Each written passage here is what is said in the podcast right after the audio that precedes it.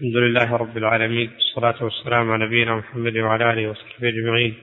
قال المؤلف رحمه الله تعالى باب قول الله تعالى فاقم وجهك للدين حنيفا فطرة الله التي فطر الناس عليها لا تبديل لخلق الله ذلك الدين القيم ولكن أكثر الناس لا يعلمون. قوله تعالى وصى بها إبراهيم بنيه ويعقوب يا بني إن الله اصطفى لكم الدين فلا تموتن إلا وأنتم مسلمون.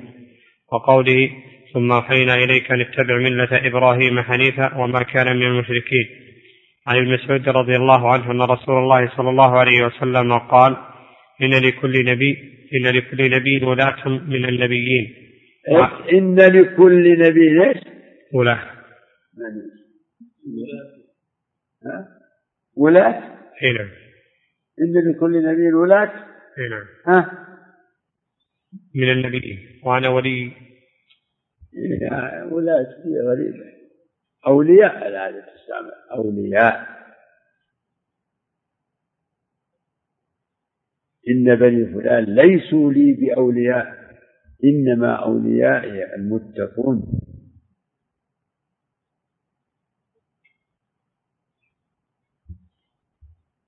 ما أدري اللفظة دي غريبة. ولاة ولاة جمع والي وأولياء جمع ولي. لا يقال فلان وألي لفلان يقال وليهم. إن لكل نبي ها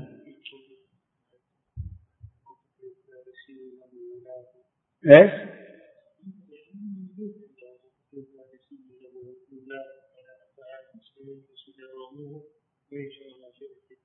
إيش؟ آية البيت؟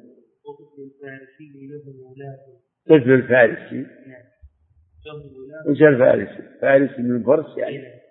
له ولاة على أفعال التمدس يدربوه نعم دربوها أولياؤه ولي وليه يعني مربيه واليه وأليه. ما هو واضح. نعم. نعم. إن لكل نبي ولاة من النبيين وأنا ولي منهم أبي إبراهيم, أبي إبراهيم خليل ربي. ثم قرأ إن أولى الناس بإبراهيم الذين اتبعوه هذا النبي والذين آمنوا والله ولي المؤمنين. من روى الحديث هذا؟ رواه الترمذي. غريب هذا سؤاله. عن أبي هريرة رضي الله عنه قال قال رسول الله صلى الله عليه وسلم ان الله لا ينظر إلى اجسامكم ولا إلى اموالكم ولكن ينظر إلى قلوبكم واعمالكم. وله عن ابن مسعود قال قال رسول الله صلى الله عليه وسلم أنا أفرطكم على الحوض. أنا فرطكم.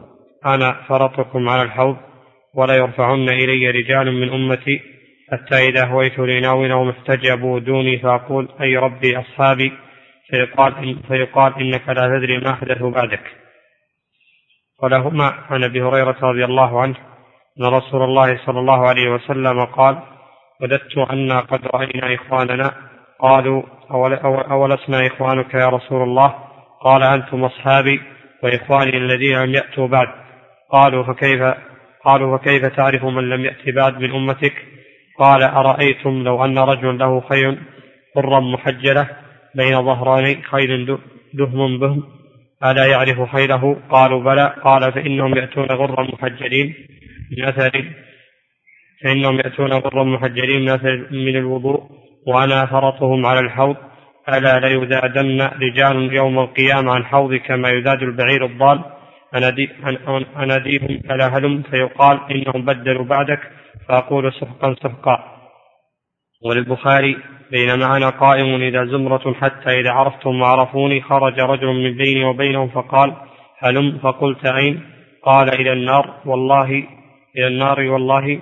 قلت وما شأنهم قال إنهم ارتدوا بعدك على أدبارهم القهقرة ثم إذا زمرة فذكر مثله قال فلا أراه يخلص منهم إلا مثل همل النعم.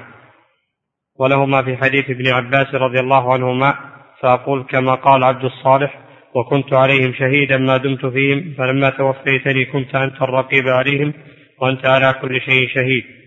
ولهما مرفوعة ما من مولود يولد إلا على الفطرة فأبواه يهودانه أو ينصرانه أو يمجسانه. يمجسانه فأبواه يهودانه أو ينصرانه أو يمجسانه. كما تنتج البهيمة بهي كما تنتج البهيمة بهيمة جمعاء. هل تحسون فيها من جدعاء حتى تكونوا أنتم تجدعونها؟ ثم قرأ أبو هريرة فطرة الله التي فطر الناس عليها. وعن حذيفة رضي الله عنه قال كان الناس يسألون رسول الله صلى الله عليه وسلم عن الخير وأنا أسأله عن الشر مخافة أن يدركني فقلت يا رسول الله إن كنا في جاهلية وشر فجاءنا الله بهذا الخير فهل بعد هذا الخير من شر؟ قال نعم. فقلت هل بعد هذا الشر من خير؟ قال نعم وفيه دخن. قلت وما دخنه؟ قال قوم يستنون بغير سنتي ويهتدون بغير هدي تعرف منهم وتنكر. قلت هل بعد هذا الخير من شر؟ قال نعم فتنة عمياء ودعاة على أبواب جهنم من أجابهم إليها قذفوه فيها. قلت يا رسول الله صفهم لنا. قال قوم من جلدتنا ويتكلمون بألسنتنا. قلت يا رسول الله ما تأمرني إن أدركت ذلك؟ قال تلزم جماعة المسلمين وإمامهم. قلت فإن لم يكن لهم جماعة ولا إمام. قال فاعتزل تلك الفرق كلها. ولو أن تعض على أصل شجرة حتى يأتيك الموت وأنت على ذلك. رجاه وزاد مسلم ثم ماذا؟ قال ثم يخرج الدجال معه نهر ونار. فمن وقع في نار معه نهر ونار نعم. ثم يخرج الدجال معه نهر ونار فمن وقع في ناره وجب أجره وحط وزره ومن وقع في نهره وجب وجب وزره وحط أجره قلت ثم ماذا؟ قال هي قيام الساعة. وقال أبو العالية تعلموا الإسلام فإذا تعلمتموه فلا ترابوا عنه عليكم بالصراط المستقيم فإنه الإسلام ولا تتحرفوا عن الصراط يمينا ولا شمالا. وعليكم بسنة نبيكم وإياكم هذه الأهواء. انتهى تأمل كلام بالعالية هذا ما أجله وأعرف زمانه الذي يحذر فيه من الأهواء التي من اتبعه فقد رغب عن الإسلام وتفسير الإسلام بالسنة وخوفه على أعلام التابعين وعلمائهم من الخروج عن السنة والكتاب. يتبين لك معنى قوله تعالى إذ قال له ربه أسلم وقوله ووصى بها إبراهيم وبنيه ويعقوب يا بني إن الله اصطفى لكم الدين فلا تموتن إلا وأنتم مسلمون. وقوله تعالى إذ قال له ربه أسلم قال أسلمت رب العالمين. وإشباه هذه الأصول الكبار التي هي أصل الأصول والناس عنها في غفلة وبمعرفته وبمعرفته يتبين معنى الحديث في هذا الباب وأمثالها. وأما الإنسان الذي يقرأ يقرأها وأشباهها وهو آمن مطمئن أنه أنها لا تناله ويظنها في قوم كانوا فبادوا فآمنوا مكر الله فلا يأمن مكر الله إلا القوم الخاسرون. وعن ابن مسعود رضي الله عنه قال خط لنا رسول الله صلى الله عليه وسلم خطا ثم قال هذا سبيل الله. ثم خط خطوطا عن يمينه وعن شماله ثم قال هذه سبل على كل سبيل منها شيطان يدعو إليه وقرأ وأن هذا صراطي مستقيم فاتبعوه ولا تتبعوا السبل فتفرق بكم عن سبيله. رواه أحمد والنسائي. انتهى. إي نعم. على كل حال مقصود هذا الباب بما اشتمل عليه من الآيات والآثار والأحاديث. مقصوده أن على المسلم أن يلزم الصراط المستقيم وهو قائم على التوحيد والسنة. توحيد الله وسنة رسول الله.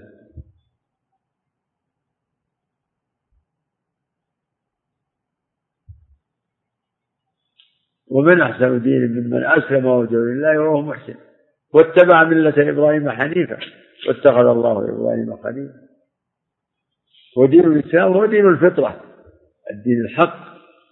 الذي فطر الله عليه عباده كل مولود يولد على الفطرة فطرة الله التي فطر الناس عليها لا تبديل لخلق الله.